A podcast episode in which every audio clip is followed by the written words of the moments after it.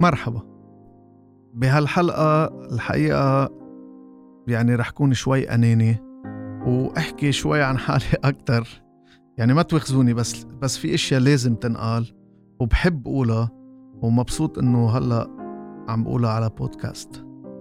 بدي بدي أقول إنه لما عملت فرقة للتلفزيون يكون اختصاصها العمل ضمن البرامج التلفزيونية هيدا الواقع فرض علي فكر بطريقة واتحرك بطريقة لحتى كون كل فترة عم بتطور مع التطور اللي عم بيصير إن بتقنيات التصوير وغيره أو التطور اللي عم بيصير من خلال التطور الموسيقي العالمي اللي عم بيصير يلي الفنانين عم بيتطوروا معه هن وعم بيعملوا أغانيهم. فأنا لازم كمان كون موجود ضمن هذا التطور. هلا لا أقدر أعمل آه، الشيء عملت دراسة وتوصلت إنه شوف الأغنية كيف كان شكلها بفترة من الزمن وأنا شو بقدر غير بهذا الشيء من خلال تنفيذ الأغاني. الحقيقة آه، دراستي ترجمتها بشغلي بالتلفزيون. لما حولت لما قدرت حول الأغنية العربية الموسيقى العربية من موسيقى ميلوديك يعني آه، موسيقى الخط الواحد يعني الموسيقى يلي كنت بتقدر تسمعها مثلا أغنية كان فيك تسمعها على العود من المطرب تنبسط فيها آه، آه، تلاقي فيها نفس اللذة اللي بتسمعها مع الفرقة. يعني كانت الأغاني سابقا كانت كانت ال melody مسيطرة بالأغاني قبل. يعني كانت طاغية إذا بدنا نقول على التوزيع الموسيقي وعلى ال orchestration اللي كانت اللي عم تنعمل. أنا آه، جيت ترجم فكرتي خليت ال melody تصير بنفس مستوى التوزيع الموسيقي. يمكن لأنه كمان أنا كنت عم مارس التوزيع بهداك الوقت. آه، خليت خليت التوزيع الموسيقي يصير بارز من تحويل الأغنية من أغنية mélodique لأغنية rythmique. يعني خليت الآلات الإيقاعية بارزة أكتر. إيقاعية يعني لتكون واضحة مش إيقاعية يعني هشك بشك لا مش مش هيدا. الإيقاعية كل آلة rythmique اللي هي آلات الإيقاع بالإضافة لآلة الجيتار وال bass guitar هالآلات يلي بتعطي إيقاع وبذات الوقت بتعطي هارموني يعني بتعطي ال ال ال accord للأغنية.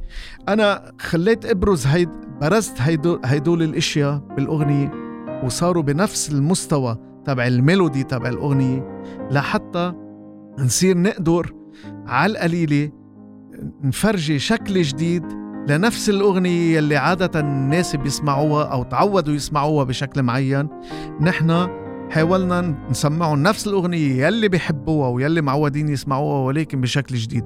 هلأ كان فيها ريسك يعني كان فيها خطورة أنه أنه يمكن الشيء اللي عن اللي عم نعمله ما تحبه الناس أو ينعكس علينا سلبا ولكن الحمد لله آه، بالعكس آه، أعطانا حافز أكبر وخلى من هون يعني يمكن تجي محبة المطربين لإلي بالنسبة للعمل بعملي لأنه دايما بجرب أعمل أخلق حالة جديدة للأغنية يلي معودين نسمعها. بشكل بجرب أخلق لها شكل جديد لحتى بس نكون إنه آه، عم نحط عقلنا وفكرنا بالشغل مش إنه بس عم ننفذ عمل ولكن عم نخترع شيء. هلأ آه، ترجم هذا الموضوع معي من خلال كمان أغاني أنا وزعتها مرقت بحياتي واعتبرت إنه اعتماد هيدي الطريقة يمكن بتخلي الأغنية تكون شوي آه، توصل للناس أكتر تكون شعبية أكتر. شعبية بالمعنى البوبولار يعني مش شعبية إنه هابطة لا. شعبية بمعنى إنه توصل للناس أكثر آه، على سبيل المثال بدي أقول يعني لما لما لما وزعت مثلا خلي لي مزاجك رايق ما اعتمدنا على ال harmony وال orchestration وال... اعتمدنا على إنه نخلي ال melody ونعمل لها rythmique حواليها ناعم لحتى الناس تكون تكون الأغنية قريبة من الناس وبالفعل آه، توفقنا بهيدي الشغلة. كما وإنه هذا الشيء صار بأغنية الحرية للفنانة ماجد الرومي كمان ذات الموضوع.